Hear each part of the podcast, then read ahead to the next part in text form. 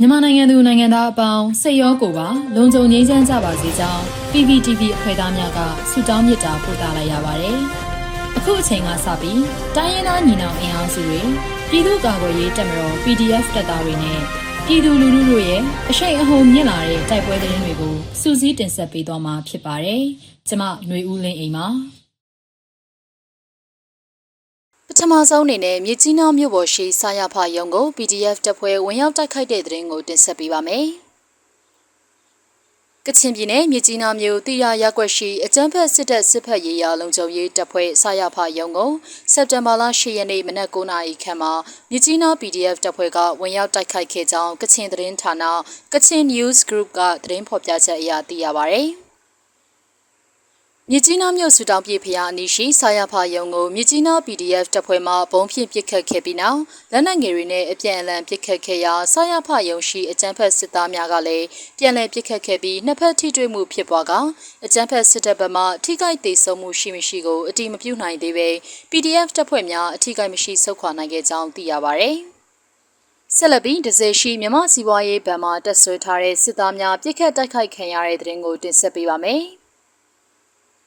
စကိုင်းတိုင်း30မြို့နယ်မြမစီးပွားရေးဗန်မှာတက်ဆွဲထားတဲ့စစ်သား15ဦးခန့်ကို PDF တပ်ဖွဲ့တွေကစက်တင်ဘာလ10ရက်နေ့မနက်09:45မိနစ်မှာဝင်ရောက်တိုက်ခိုက်ခဲ့ပြီးထိခိုက်ဒေဆုံးမှုများရှိနိုင်ကြောင်း30 PDF တပ်ဖွဲ့ထံမှသိရပါဗျ။မြမစီပွားရေးဗန်မှာတက်ဆွဲထားတဲ့စစ်သား15ဦးခန့်ကိုဒဇယ် PDF ရွှေဘိုခရိုင်တပ်ရင်း6နဲ့တပ်ရင်းခွန်ရဲဘော်တွေကလက်နက်ကြီးလက်နက်ငယ်တွေနဲ့ပစ်ခတ်တိုက်ခိုက်ခဲ့ခြင်းဖြစ်ပြီးဗန်အတွင်းကင်းမုံချထားတဲ့စစ်သားတွေထိခိုက်ဒေဆုံးမှုရှိနိုင်ကြောင်းသိရပါဗျ။ ရှမ်းမြောက်မှာစစ်တပ်နဲ့ KIA 3ရက်စတိုက်တိုက်ပွဲဖြစ်ပြီးစစ်တပ်အထိနာနေတဲ့တဲ့ရင်ကိုဆက်လက်တင်ဆက်ပေးမှာပါ။ရှမ်းပြည်နယ်မြောက်ပိုင်းမူဆယ်နယ်ကုတ်ခိုင်မြို့နယ်အဆက်မှာအကြမ်းဖက်စစ်တပ်နဲ့ကချင်လွတ်လပ်ရေးတပ်မတော် KIA ကြားစက်တင်ဘာလ10ရက်ဒီကနေ့နနက်8နာရီခွဲခန့်မှာတိုက်ပွဲဖြစ်ပွားခဲ့ပြီးစစ်တပ်ဘက်မှအထိနာကြောင်းကချင်သတင်းရင်းမြစ်များထံမှသိရပါဗျ။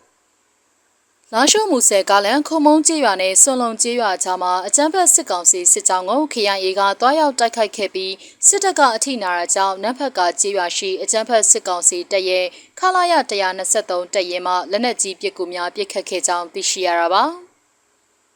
အဆိုပါဒေတာဟာ KIA အမှတ်6တပ်မဟာတရင်ကိုလှုပ်ရှားနေမြေမှာတည်ရှိပြီးစစ်တပ်နဲ့ KIA ကြားတိုက်ပွဲဖြစ်ပွားနေတာ၃ရက်ဆက်တိုက်ရှိနေပြီဖြစ်ကြောင်းသိရှိရပါတယ်။